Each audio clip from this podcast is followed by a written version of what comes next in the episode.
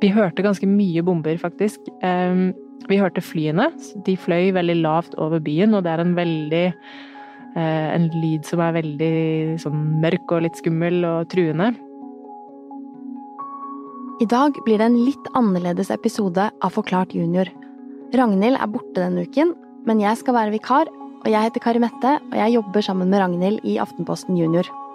Og denne uken og neste uke kommer det to litt spesielle episoder om krigen i Ukraina.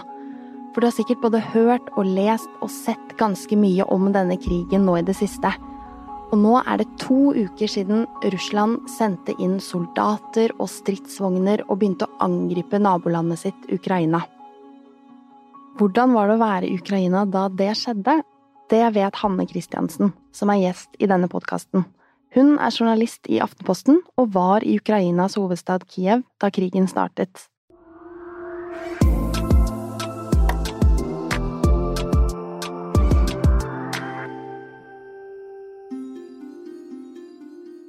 Vi kom til Kiev dagen før, eller det vil si jeg kom til Kiev dagen før. En annen reporter i Aftenposten hadde vært der en uke allerede. Og så kom det en fotograf fra Oslo. Og da vi gikk og la oss den kvelden, så tror jeg ikke noen av oss kunne se for seg hva som kom til å skje bare noen timer senere.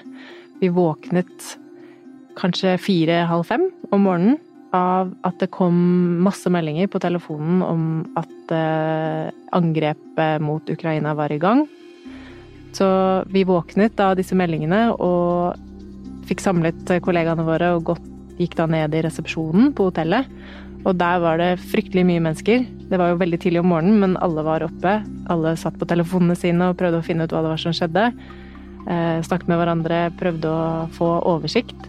Eh, og så gikk da alarmen på hotellet. Og den alarmen den betyr at alle må ned i kjelleren dette er en parkeringskjeller, men eh, det ble gjort om til et bomberom, da. Ble du redd da? Det kom veldig overraskende på. Det var nok ikke så mange som trodde at det kom til å skje.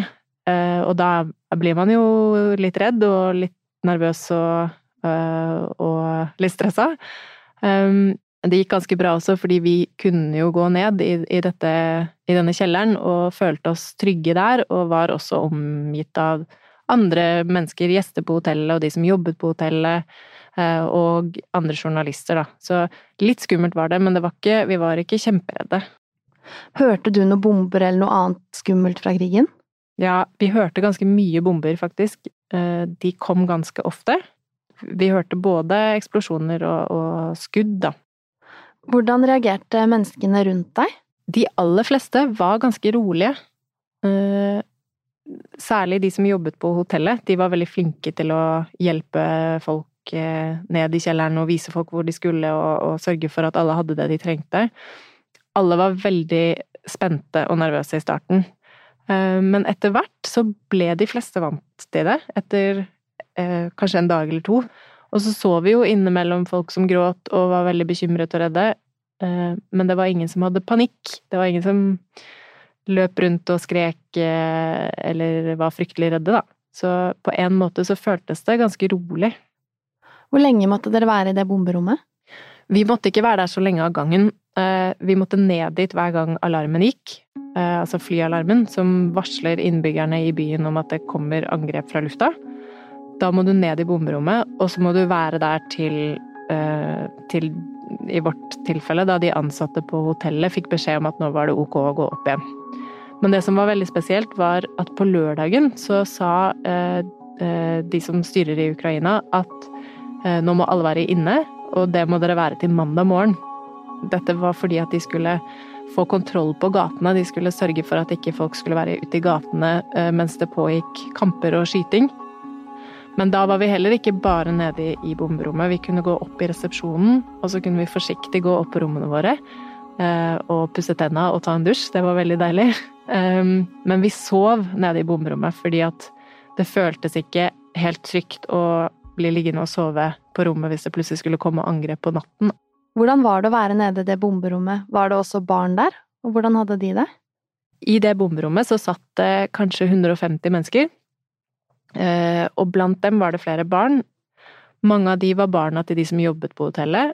Eh, og noen var også naboer, altså folk som bodde på samme gaten, men som kanskje ikke hadde eget, uh, sin egen kjeller eller bomberom de kunne gå til. De fikk komme inn på hotellet. De barna satt ganske mye på iPad og mobiltelefon og leste og spilte spill. Um, og så var det også flere kjæledyr der, faktisk. Det var uh, flere katter, et par hunder og en, en kanin som noen hadde tatt med seg ned dit for å holde dem trygge, så det var også mulig å, å få litt kos da, fra dyrene. Så på, på, mandag, mandag morgen så var det, det var deilig å komme ut og få litt frisk luft.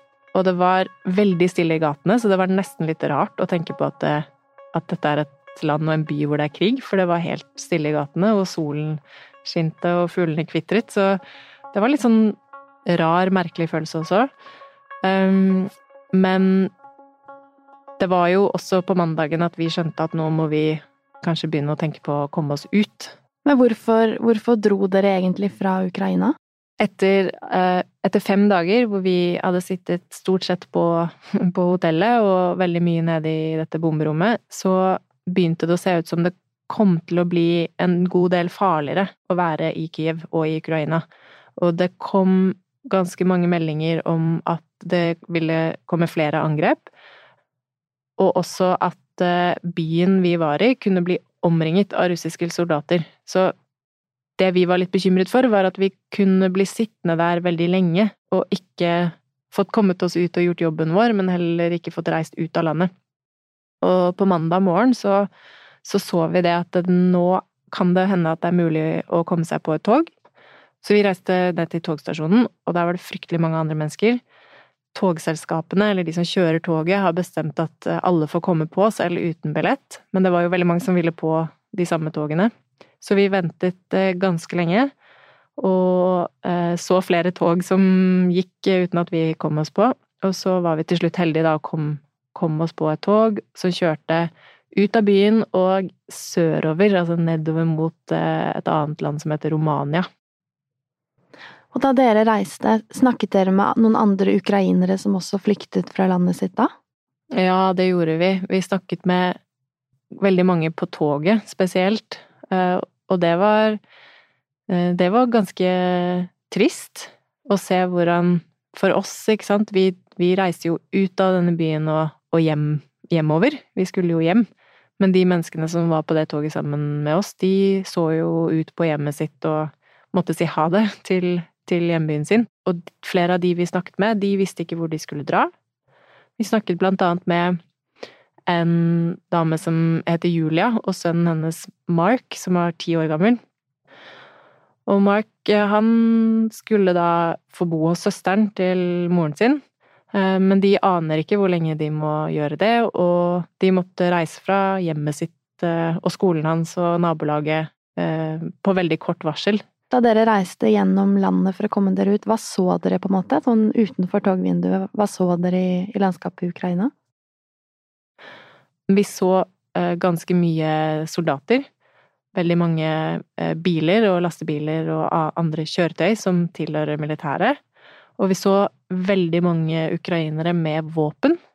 For det er jo sånn det er blitt i Ukraina nå, at helt vanlige mennesker har måttet skaffe seg våpen for å for å forsvare og passe på de menneskene de er glad i, og hjemmene sine og byene sine, da.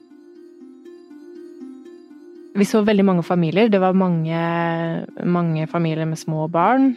Babyer, til og med. Eh, de reiste sammen.